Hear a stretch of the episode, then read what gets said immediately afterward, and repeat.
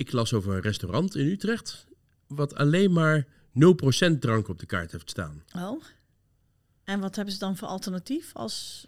Ze, ze hebben alcoholvrij bier, alcoholvrije wijn, mocktails. Oké, En dat serveren ze dan naast hun gerechten, denk ik. oké. Maar dan zit er vaak wel weer, ik bedoel, net zo'n cocktail, ik vind het leuk als Mhm. vooraf, maar niet bij mijn hoofdgerechten. Ik heb geen zin om daar zoveel weer zoete, zoete suikerachtige... Dat is dan weer zonde van je eten. Ja, dat is wel behoorlijk, eh beïnvloedt wel elkaar. Ja, Behoorlijk, hè? Ja, ik vind dat lastig altijd, hè? Want ik, ik vind het lekker om een wijntje bij het eten te drinken, maar ik wil ook minder alcohol drinken. Dus dan kan je frisdrank nemen of je kunt water nemen. Ja, water vind ik. Ja, ik ben. Ja, je zou, je ja, zou thee, thee kunnen overwegen Ja. misschien. Nou ja, dat doe ik soms ook wel eens. Dat, je dan, Ja. dat ik dan thee bij het avondeten neem.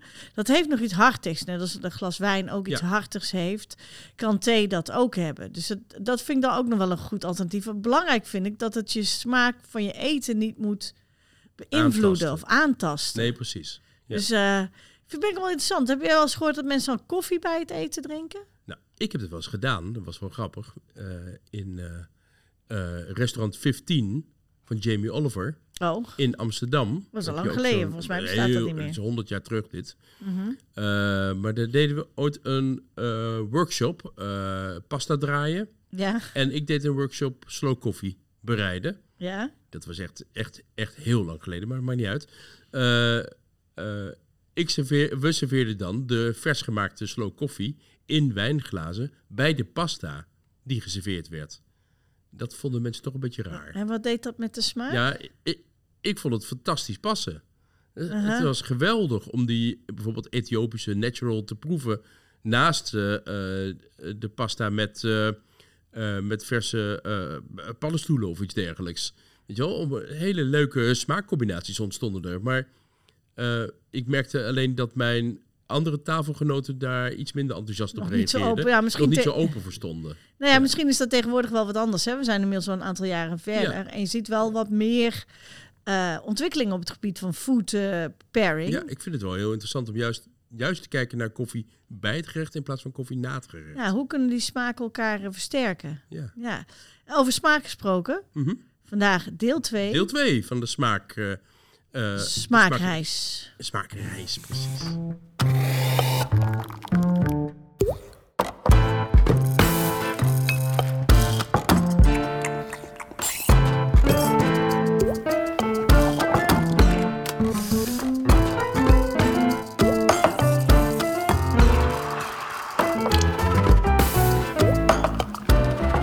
Koffiecollege, de podcast waarin je alles leert over koffie. Hartelijk welkom. Leuk dat je weer luistert. Je luistert naar Brechtje Debe, die tegenover mij zit. En Joost Leopold die tegenover mij zit. Yes. En eh, vorige week hebben we het gehad over eh, hoe proef je. We hadden het over smaak en hoe proef je. Hoe werkt de tong? Hoe werkt de neus? Ja, en eh, ik ben benieuwd of je eh, de snoepjestest thuis hebt gedaan en hoe je dat ervaren hebt. Als, we hebben hem ook op de Instagram gezet, dus als je hem nog niet hebt gedaan, dan zie je hoe het moet op Instagram. En het zou leuk zijn als je dan even je commentaar bijgeeft van hoe jij Heel dat leuk. ervaren hebt. Dat zou ontzettend leuk zijn. Maar vandaag gaan wij door. Waar gaan we, waar gaan we het over hebben? Ja, hoofdstuk 2 hè, van de vier hoofdstukken in totaal over smaak. En we gaan het vandaag hebben over hoe ontstaan smaken in de koffie. Dus ja, gek genoeg, je zou denken koffie is een boontje. En ja, die, dat smaakt eigenlijk altijd hetzelfde, want je is gewoon een boon. Maar dat is helemaal niet het geval. Totaal Eh, niet, nee. Echt, eh, iedere koffieboon, nou ja, niet iedere koffieboon, maar eh, koffiebonen uit verschillende gebieden smaken allemaal anders. En hoe kan dat? Joost, leg het eens uit.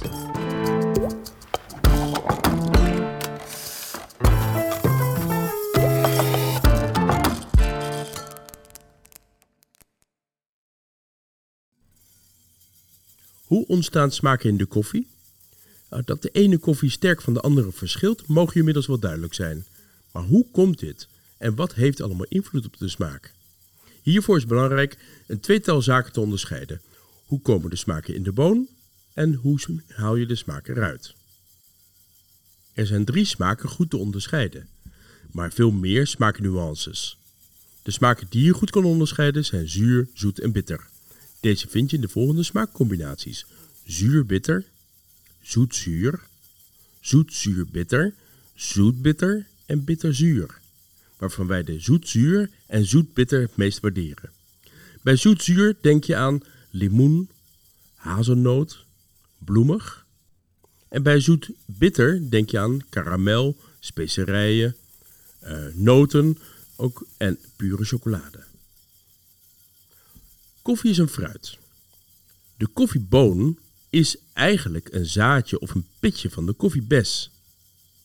Een koffiebes heeft een schil, vruchtvlees, pectinelaag, eh, pergamino, zilvervlies en in het algemeen twee pitten zelf, de boontjes. Het vruchtje smaakt, als je het eet, naar honing en heeft hele, relatief heel weinig vruchtvlees. In het vruchtvlees zit wel in grote mate de unieke smaak verborgen van de koffiebes.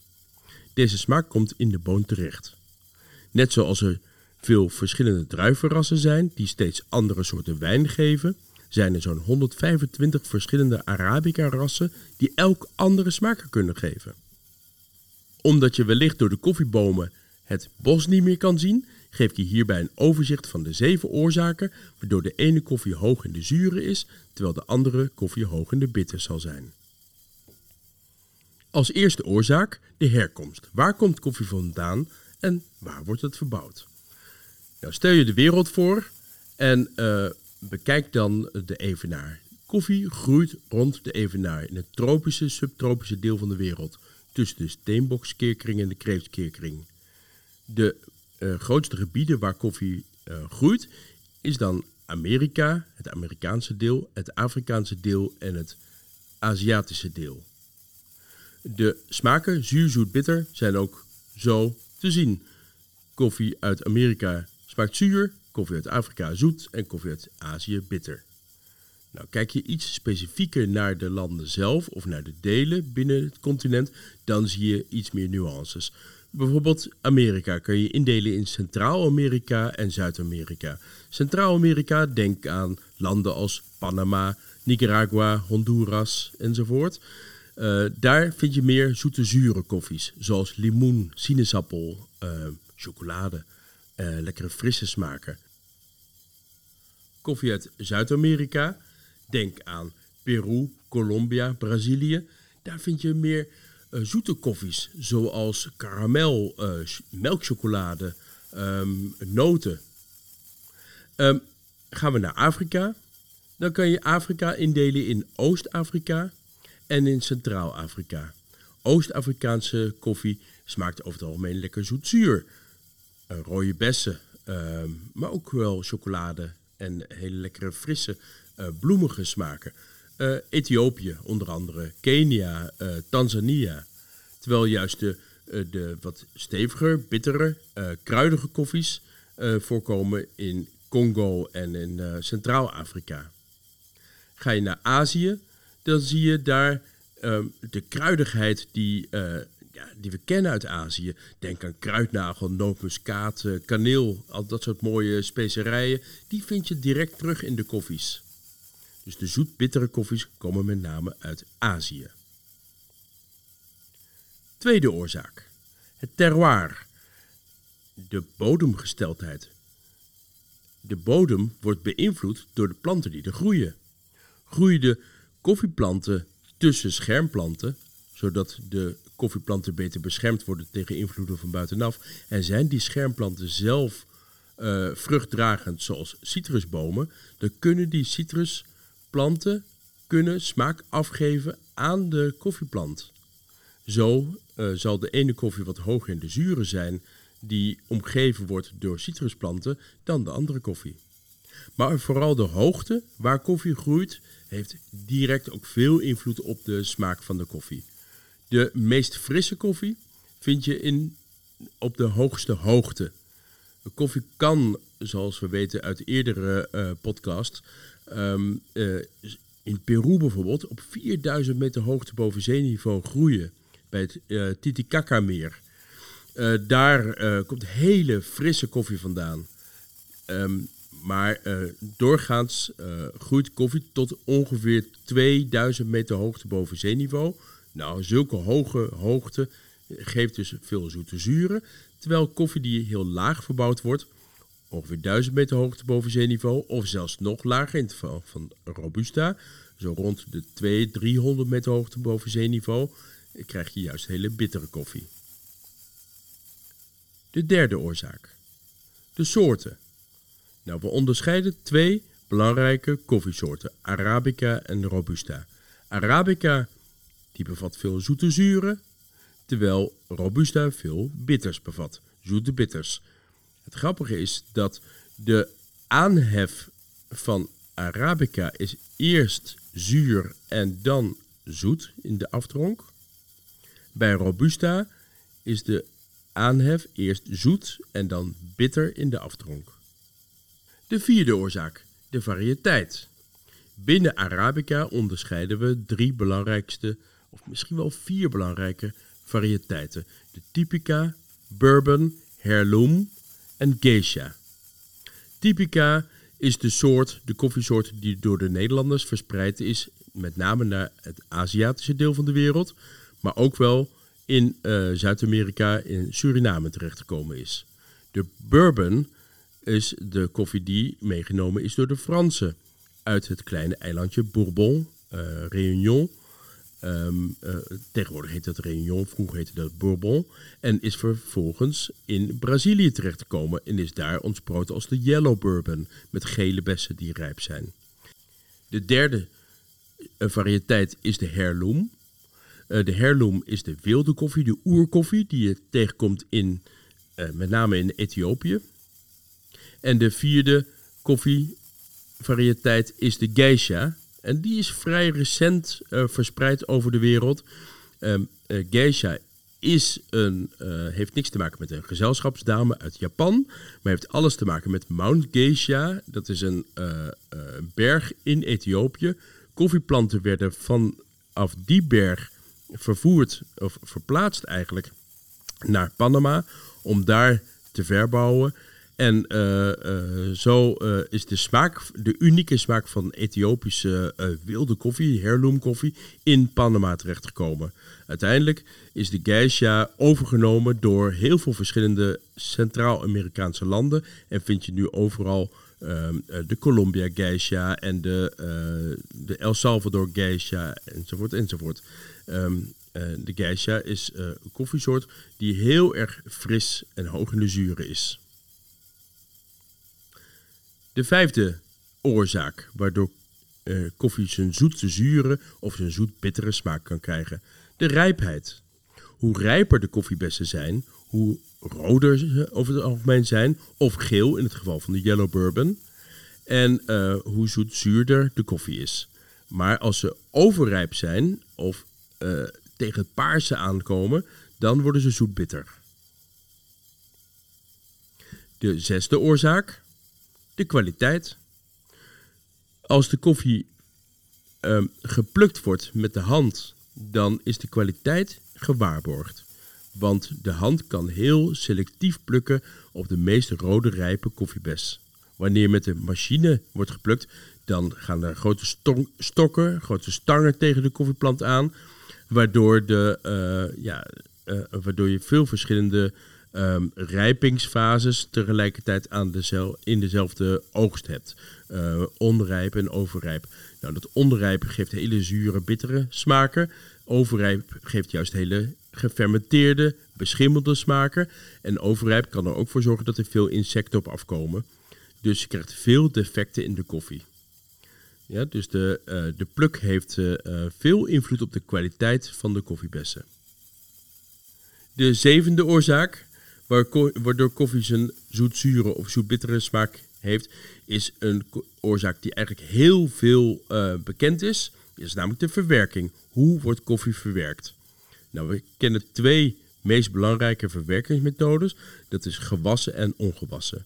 Ongewassen is de koffieverwerking waarbij de zon invloed heeft op de pectinelaag en op het vruchtvlees. Die zorgt ervoor dat het vruchtvlees indroogt, waardoor je hele eh, karamelachtige, zoete, bittere smaken krijgt die in de koffiepit trekken.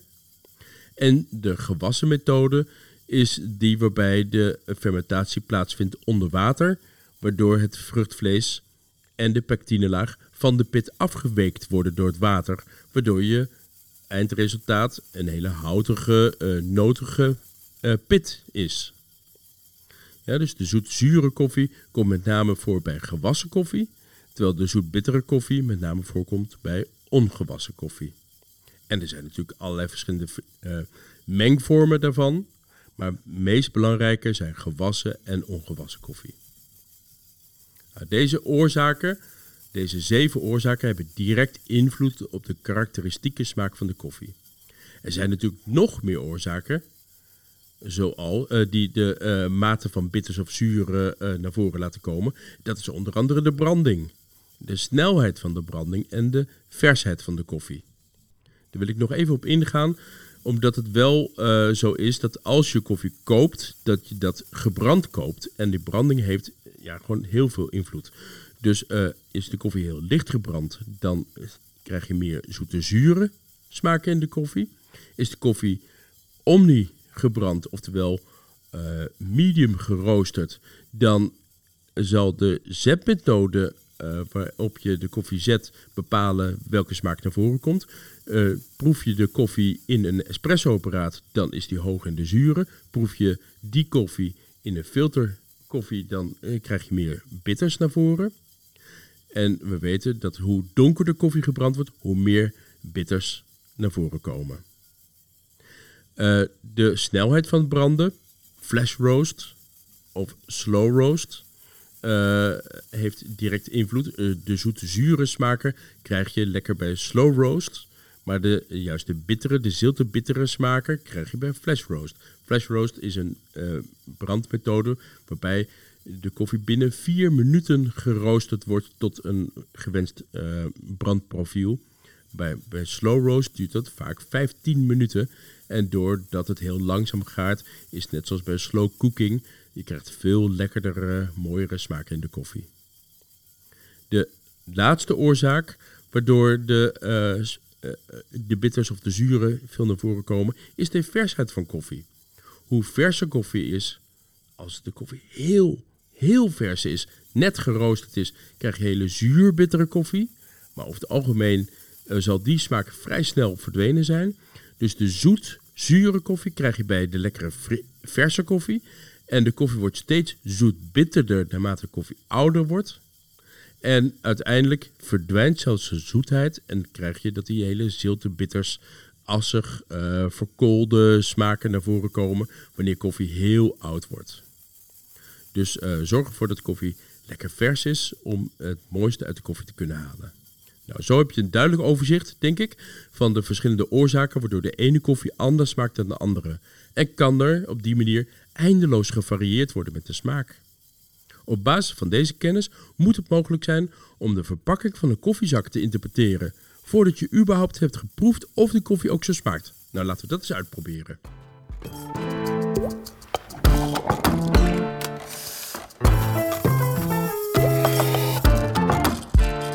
Dan is het nu tijd voor het huiswerk. Oké, okay, het huiswerk van deze week is: lees je koffiezak en ontdek wat de smaak is die in deze koffiezak zit. Zonder te proeven. Te proeven. Dus Joost, wat hebben we nodig? Nou, we hebben een koffiezak nodig waar lekker veel informatie op staat. En waar haal je die koffiezak? Wat is ja, handig? Eigenlijk het beste haal je die of online of bij de koffiespeciaalzaak. Ja, bij, in ieder geval bij een specialty koffiebrander, want, want die hebben de meeste informatie. Ja, want de, de supermarktkoffies, daar vind je eigenlijk heel weinig informatie op. Oké. Okay. Uh, dus een zak waar uh, wij in ieder geval een aantal van de genoemde eigenschappen die er ja. zijn genoemd terug kan vinden. Wat leuk is, is om dan uh, je, je, je, je geliefde of een andere huisgenoot te vragen of ze de smaak um, af kunnen plakken met een stukje tape. Oh ja, dus want soms smaak, zetten de smaak al op, hè? Smaaknotities, de proefnotities af kunnen plakken. Okay. Zodat je zelf gaat, ja, jezelf gaat uitdagen om te kijken of je al een smaakprofiel kan, kan maken op basis van de informatie. En daarna kan je kijken, eh, door eh, de tape weg te halen om te kijken of het klopt, ja of nee. Precies, dus raad je smaak. Goed idee. Nou, ik heb hier eh, vier zakken voor mijn neus liggen. Moet ik ze even afplakken, de smaak even afplakken? Ja, dat is handig. Ga ik dat nu doen? Oké, je hebt de zakken afgeplakt, zie ik. Ik hoop dat Ja. de rest nog wel een beetje kan lezen. Ik hoop het ook. Eh, ik heb hier dus, wat ik zei, vier zakken. Ja. Eh, nee, ik zie hier nu Drie, toch? Drie zakken, drie zakken. Ja. Sorry. Ik had vier zakken, maar Oh, ik heb sorry. nu drie zakken. ja, je hebt de vier, want eh, de vierde komt naar je toe. Oh, de vierde ligt nog daar. is geen probleem. Eh, even kijken, waar zal ik mee beginnen? Ik heb eerst de buitenlands. Die vind ik wel leuk. Dat is een koffie van een bedrijf dat heet eh, Taste Map Coffee Roasters. Bij Domas Ivonis. En die komt uit eh Vilnius. Uit eh, Letland. Letland, ja, Letland. En eh, heel bijzonder eigenlijk. Hoe komen we in godsnaam met deze koffie? Want ze zijn nog nooit in Letland geweest. Even kijken, als eerste... Ja, dat kan ik vertellen. Oh, vertel. Want die heb ik gekregen. Nee, die heb ik gekocht. was heel duur. Dit zakje was eh 20 euro voor 250 gram. Zo, gee. Eh, die heb ik gekocht op de World of Coffee in Berlijn. Oh, Bij een van de 20 Roaster? Village. Ja, ik vond het zo bijzonder. Eh, inmiddels zie je overal, elke specialty coffee roaster heeft eh anaerobic process. maar dat hadden ze toen nog niet. En dat hadden ze toen nog niet. Nee. Dus het was oh, heel vandaar. uniek. Dat zie ik dus ook, want er staat op ehm, dat hij komt uit Colombia. Mhm. Uit Cipason of zoiets. La die- Palma volgens mij. Die Ja. marca. Eh, nog nooit van gehoord. Mhm. Eh, dat het een 100% Arabica is. Staat verder niet op eventuele extra... Oh jawel, vas- variëteit Castillo. Arabica Castillo, waar ik lees Is zuur? vol, hè? Castillo Eh, is hij, een... hij, hij groeit op een groeihoogte van 1500 boven zeeniveau. En ehm, hij is, wat jij zegt, processing anaerobic lactic. Dan gaan we gelijk meteen iets heel speciaals heb ik hier voor mijn neus Ja. laten zien. Meteen onhandig. Hebben we la- net niet behandeld. Dat hebben we net niet behandeld, maar daar gaan we het wel over hebben. En volgens mij hebben we wel in een van de podcasts ooit een keer de Zal ik even kort, eh, kort uitleggen hoe het ook weer is? Ja, vertel. Anaerobic process is een methode waarbij het, eh, de koffie wordt gewassen. Moet je niks In- over de smaak zeggen? Ga Nee, ik zeg niks smaak- over de smaak. Ja. Eh, waarbij de koffie wordt gewassen. Ja? Eh, maar het wassen gebeurt niet in een open tank, Mhm. zoals altijd, een soort badkuip, maar dan in een gesloten tank. Dus de smaken die vrijkomen eh, door de fermentatie in water, blijven ook in contact met de, eh, ja, met de koffie, Met het water. met het water. Ja. En daardoor, doordat het niet verdwijnt in de open lucht, aerobic, Mhm. is, is lucht, hè. Maar anaerobic is dus, eh, eh, eh, ja, alle smaken blijven erbij. Daardoor krijg je veel diepere, veel, ja, ik mag niks zeggen over smaak. Dus nee, nee, veel, niks over, niks veel over smaak. intensere Smaak. smaken. Maar wat is lactic? Lactic is, is melkzuren. Oh, daar hebben ze dus ook nog melkzuren Ze bij hebben gedaan. melkzuren toegevoegd. Oké. Precies. Eh, hij Je komt uit... Ja, ik, dat klinkt... Ja, je houdt toch van beetje- cappuccino? Ja, dat, het- nou, ja, dat is waar. Ja, maar het, het, je doet me een beetje de- denken de aan zo'n... eh, alsof je daar zo'n flesje... Hoe heet dat? eh, zo'n klein roze Ja. Yakult. Yakult Ja, erin hebt. nou ja, misschien moet je daar ook aan denken. Ja. Nee, ik mag niks zeggen. Maar niks zeggen. Oké, ehm, eh, allereerst. Dus de herkomst. Want dat was punt nummer één. Herkomst. Colombia. Wat zei je nou ook weer over Centraal-Amerika? Dat was... eh, of nou, het is meer Zuid. Ja, meer was een notig. Karamel, karamel. rood fruit. Karamelrood fruit, Ja. notig. Dus dat zou erin kunnen zitten. Kraakt. Ja. Eh, oh, sorry. Ehm, even kijken. Dan hadden we... De tweede punt waar je het over had, was eh, de variëteit. Ja. Dat, dat was Castillo, maar die hebben we het niet over gehad. Hebben we het niet over gehad. Ga ik even snel Castillo? opzoeken. Maar het is, eh, de. Arabica is dus eh zoetzuur, hè? Dat Ja, het is sowieso 100% Arabica. En het is dus een, een, een, een variëteit van de Arabica. Ja. En Joost, jij zoekt dat nu even oh, op. dat gaat zo snel. Ik kan wel iets zeggen over de. Oh, daar hadden we het nog niet over de herkomst. Want had, zei je ook. ehm, de het terroir. Daar hebben we het ook nog over gehad. Het terroir en de hoogte. En deze is 1500 eh, boven zeeniveau. Dat is niet heel hoog. Het is niet 2000, het is zeker geen 4000. Mhm. Maar heeft daardoor waarschijnlijk wel wat meer zuren in zich. Ja. Omdat hij wel op een mooie goede hoogte groeit. Gemiddeld, een beetje gemiddeld denk ik, of niet? Is dat 1500 dan een beetje gemiddeld? 1500 meter hoogte boven zeeniveau. Dat is echt hoog, hè? Ja, is dat voor ja, ja, ja, hoog? ja, ja, Oké. dat is echt hoog. Oké, nou, dan, is, dan heeft hij een mooie zuur in zich.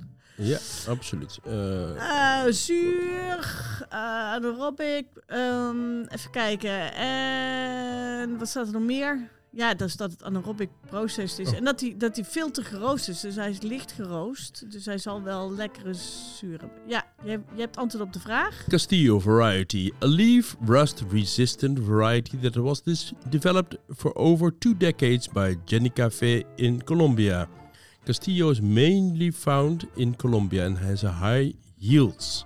It's popular amongst Colombian producers of its, uh, because of its rust resistant character. Oh, en dan moet Ik kan me zien- voorstellen dat de Castillo een variëteit is van bourbon.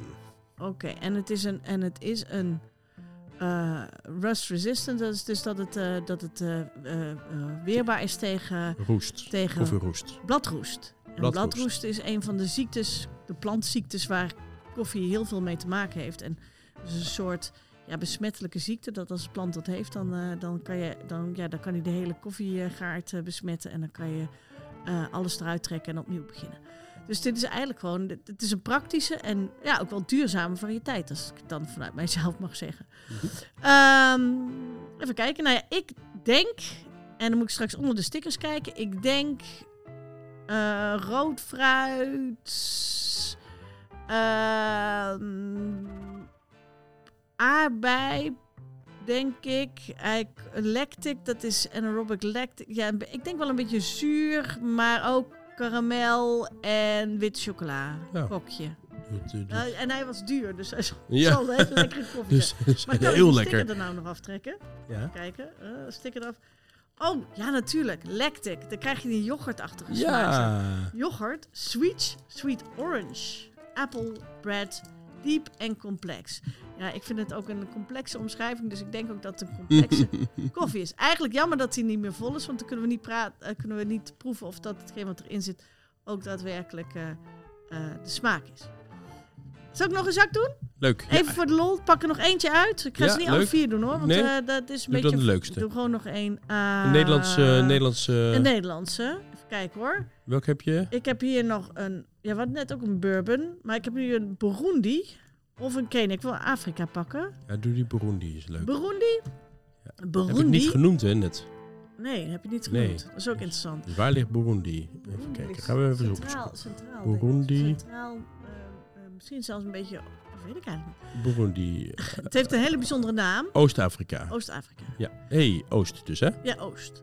Burundi, Twaranjuzwe, Kayanza. Dat is de... Kayanza is, is, is de plek waar die groeit in Burundi. En maar dat andere kan ik niet uitspreken. En de, eh, de koffie is geroost door varietals. Hij is geroost of varietals en hij is ehm, variëteit bourbon, bourbon, eh, fully washed, dus gewassen koffie. Die groeit nog hoger dan die andere, namelijk op 1740 tot 1840 meter boven zeeniveau. En er staat dat hij espresso roast is. Dus dat is de informatie die ik op deze zak vind. Burundi, Centraal-Amerika, vaak Ja, Afrika. Zuid-Afrika bedoel ik, sorry. Oost-Afrika. Oost-Afrika. Ja, Oost-Afrika. Zo- niet Centraal-Afrika. Oost-Afrika. Uh, beetje houten, aards, warm, donkere chocolade, zoet. Ja, ik, het zou, ik zou het niet weten. Hij zit mij aan te kijken, maar ik mag, mag niks je mag zeggen niks over zeggen. smaak. nee, je mag niks zeggen. Eh, s- eh, heb ik het nou goed of niet? Ja, ik denk het niet. Oh, ik heb het niet goed. Oh, sorry. Oost-Afrika. Zoet. En zuur of Zuur. zoet en bitter? Zoet-bitter. Oost-Afrika? Zoet-zuur. Een zoetzuur. Zoet-zuur. Ethiopië, Kenia, zoetzuur. Oh ja, zoet-zuur. Nou, dit is ook Oost-Afrika, Burundi. Ja, Dus eh, we zitten zoet-zuur. in die hoek. Fruit. Tug. Precies. En dan, ja, ik weet van, van Kenia dat die heel vaak, of uh, de, Ethiopië, dat ze ook heel vaak een beetje persikachtige smaak hebben. Lekker. Mm. Beetje van die steenfruit. Ja? warme fruit. Wat is steenfruit ook alweer? Ja, of steenfruit. Is met die grote pitten gro- erin, grote hè? pit. Mango. Ja, ja. Mango zou dat kunnen zijn. Ja. Eh, zoiets. Zoiets in de richting. Maar ik denk ook wel, want het is ook altijd wel een beetje En het is espresso roast. Dus het is een beetje bittertje. Ja, ik denk Ja. het ook wel. Door die, door die espresso roast. Ja, precies. Ja, dus je hebt, je hebt eh, de herkomst en de verwerkingsmethode, maar ook de branding die effect hebben op de smaak. Ja. Nou, wat, wat zegt de... Oh, ze zeggen hier. Ik ga het nu even... Oh. Hè? Oh ja, natuurlijk. Dichter bij de... Ehm, een hele uitgebreide. Milk chocolate. Orange. Bergamot. En bergamot is ook vaak, zie je vaak in Afrika. Ja. Bergamot. Black tea. Herb-like. Lavender. Lemon and lime. Sweet and fruity. Ja, dit klinkt als een, als een heel lekker gebakje. Oh. Heel zin in. Ja, dit klinkt echt zo'n heel lekker gebakje. bij, en dan ook wel bergamot en black tea. Dus een heel lekker gebakje bij een Earl Grey thee. Lekker. Hoe oud is deze koffie? Eh, deze was van 2020. Dus Oh, die is ook wel ouder. drie jaar. Ja, maar er zit niks meer in, hè? Het zakje Nee, is van is ook zo. 2020. Dus eh, helaas niet meer We hebben hem al opgedronken. Dus, eh, maar ja, het, is, het, het klinkt heel erg lekker, deze, deze koffie. Dus ja, ik vind het nog moeilijk. Ik blijf het moeilijk vinden, maar ik Ja. denk dat het ook een kwestie is van oefenen. Is, is het een idee dat we in de show notes het overzicht doen zoals ik nu net heb genoemd? Ja, het lijkt me een heel goed idee. Ja, dus de, eh, welke oorzaken, welke smaken tot gevolg hebben. Gaan we doen. Lijkt me een goed idee. Mooi. Dan heb ik nog een hele andere vraag. Jij zei net dat een van de, eh, eh, in ieder geval een van de veroorzakers van de smaak in de koffie is ook de kwaliteit. Mhm. Ehm, daarin gaf je ook aan dat ehm, daarin ook een rol kan spelen of er defecten in de koffie zitten. Ja. Wat zijn defecten? Ja, defecten die eh, kan je onderscheiden tussen interne defecten en externe defecten. Denk heel simpel, als je een tomatensoep gaat maken en je hebt de keuze welke tomaten je gaat gebruiken, dan is het handig om niet de beurzentomaten te gebruiken, maar alleen maar de goede tomaten te gebruiken. Ehm, dat is een vorm van eh, een intern defect. Ja? Eh, en als je wijn drinkt, en de wijn smaakt naar kurk, dan is de kurk van invloed op de smaak van de wijn. Dus dat is een extern defect. Nou, zo kan met de koffiebes net zo zijn. Een insect kan aan de koffiebes hebben gefroten, waardoor, een, eh, waardoor iets uit extern eh, de smaak heeft beïnvloed. En de koffiebes zelf kan eh, onder- of overgefermenteerd zijn, beschimmeld zijn, waardoor het een intern eh, oorzaak heeft, waardoor de smaak eh, uit balans is. Nou, hoe proef je dat nou? Ehm, door vooral te letten op de afdronk van de eh, koffie. Dus zodra je koffie hebt gedronken, ehm, eh, probeer goed na een minuut de smaak te beoordelen. Zit de, menu, zit de smaak veel meer achter in de keel, dan is er sprake van een defect. Zit het voor in de mond, dan is er geen sprake van defect. Dat is één. Twee, hoe kouder koffie is, hoe hoger de zuren te proeven zijn in koffie. En ehm, het gaat dan om de kwaliteit van de zuren die je proeft. Eh, zijn dat zoete zuren, dan is er sprake van de kwaliteit koffie. En zijn dat zoete, of zure bitters, dan is er sprake van kwantiteit. Oké, maar dat, dat, is dan, dat is dan echt over het kwaliteitsgedeelte. Maar dat heeft niks met de defecten Dat heeft alles met kwaliteit te maken. Ja, maar niet met de defecten. Jawel, zeker wel. Dus als er defecten in zijn, dan is de kwaliteit lager.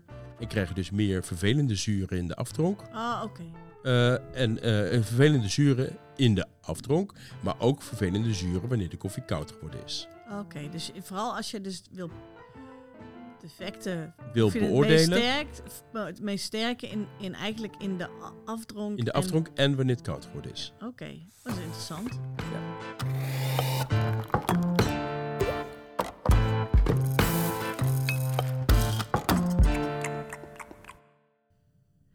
Als laatste, ehm, afgelopen Amsterdam Koffiefestival stonden Mhm. er heel veel kleine koffiebranders in het Roaster Village. Ja. En bijna al die branders verkochten op zijn minst anaerobic Ja. Processed koffie. Ja, dat is de hit hè, op dit Dat is moment. helemaal de hit. En Ja. er waren er ook een aantal bij die zelfs infused. Ik denk infused anaerobic. Wat was het? Ja. Koffie hadden. Maar we hadden Nou ja, op een net gegeven moment net de zoals we net eh, die koffie hebben behandeld eh, uit Lactic. eh, Colombia, waarbij ze dus lactic acids, oftewel melkzuren, hebben toegevoegd aan de koffie. Mhm.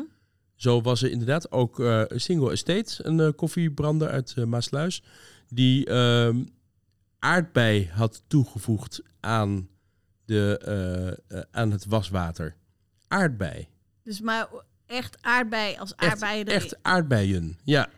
Dus je kreeg de smaak van aard... Nou, zij hebben dat niet gedaan, maar de, de, de koffieboer uit Colombia, eh, waar die koffie vandaan kwam, had het gedaan natuurlijk. Maar zij hadden aardbeien toegevoegd aan dat water, waardoor de aardbeismaak heel erg in de koffie getrokken dat- is. Dat proefde je zeker als je die zak opendeed, dan rook je het ook Ja, En eigenlijk op zo'n moment, want je, we hebben het er net over gehad, dat heel veel mensen denken dat er smaken aan toegevoegd worden, maar dat is niet zo. Ja, maar dit, in, in dit maar geval dat wel. gebeurt, dat Ja. gebeurt dus nu tegenwoordig wel. Ja. Vind, je dat, eh, vind je dat een goede ontwikkeling? Of wat vind je ervan? Ik, vind, ik, vind, ik, ik weet niet zo goed wat ik van moet vinden, want het geeft hele leuke, spannende smaken. Ik heb het ook gehoord met Het kan ook- kerstkoffie, dat ze er dan... eh, kan, Kerstkoffie. ja, dat, ze dan, dat, dat er dan iets van... eh, oh ja, kaneel, kaneel of en kruidnagel. dan, kruiden aan toegevoegd worden. Ja, ja ik, weet je, ik, ik ben een purist, dus ik hou er eigenlijk niet zo van, maar ik vind het ook wel weer spannend. Ja, Dus het is een beetje, een beetje ambivalent. een beetje ambivalent ben Ja. ik erin. Ja. Ja, ik heb dat ook wel hoor. Ik vind het aan de ene kant vind ik het leuk, omdat ik denk van ja, en, en ik snap het ook wel, want eh, ook door eh, het feit dat de kwaliteit van de koffie eigenlijk steeds minder wordt door de, door de klimaatverandering en alle factoren die daar een rol op. eh, want ja, daar hebben we het nog helemaal niet over gehad, maar klimaatverandering heeft natuurlijk ook effect op de smaak van koffie. Behoorlijk, ja. Maar de kwaliteit gaat omlaag. Dus moeten koffieboeren ook andere methoden vinden om eh, uiteindelijk een Om koffie toch hun koffie aantrekkelijk te ja, maken voor de te markt. maken en, en Ja. op, op een of andere manier op een hoge kwaliteit te Ja, dit, krijgen. is, dit is eigenlijk een gouden greep dus. En dan zijn die fermentatiemethodes, en ik heb ook gehoord dat ze dat doen met gistfermentatie, iets dergelijks. Dat is er ook gist Ik heb, ik heb koffie eh, eh, uit een, een Rotterdamse brander die echt naar kaas smaakt. Oeh, Eh, heel vies. Maar ja, er- er zijn dus die, pro- die processen, die hebben dus invloed op de smaak. Maar die kunnen dus ook negatieve smaken gaan verbloemen.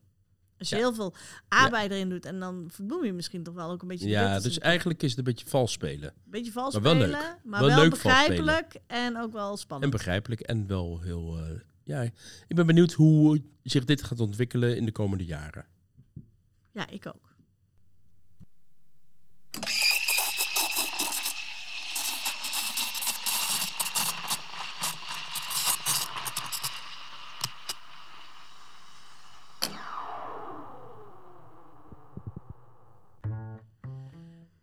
Dat was eh, weer eh, heel interessant, Joost. Ja, Eh, denk het ook. Ja, we hebben het nu gehad over eh, ehm, de, ja, in ieder geval waar, hoe het komt dat er smaken... in hoe de smaken ontstaan in Precies, koffie. hoe smaken ontstaan in de koffie. Waar gaan we het de volgende keer over hebben? Ja, volgende keer is eh, hoofdstuk 3 over smaak. Ja, Ja, en dan gaan we het hebben over hoe geef je woorden aan datgene wat je proeft. dus hoe krijg je, kan je zelf als het ware een smaak omschrijving Omschrijven, maken ja. op jouw pakje ja. Aan de hand van bijvoorbeeld hulpmiddelen als het, het aromawiel, flavor wheel of eh, juist de, eh, de smaakwaaier uit het eh, befaamde boekje Water, koffie, bonen, melk. Heel Leuk. interessant, geschreven door Joost Door Leopold. Joost Reclame. Reclame. Als je, Nee. voldoende, voldoende reclame. Maar dat, ehm, eh, er zijn verschillende manieren, hulpmiddelen waarop je de smaak kan omschrijven. En ik ga je inzicht geven in ja, hoe je dat moet doen. gaan we nou ook kuppen? Zullen we dat doen? Ja, dat is leuk. Dat is wel leuk, hè? Oké, nou, ik, eh, ik heb er zin in. En eh, nogmaals, eh, het huiswerk is terug te vinden op Instagram.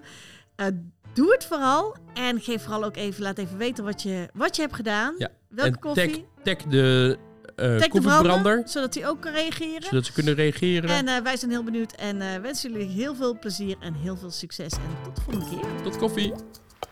Thank you.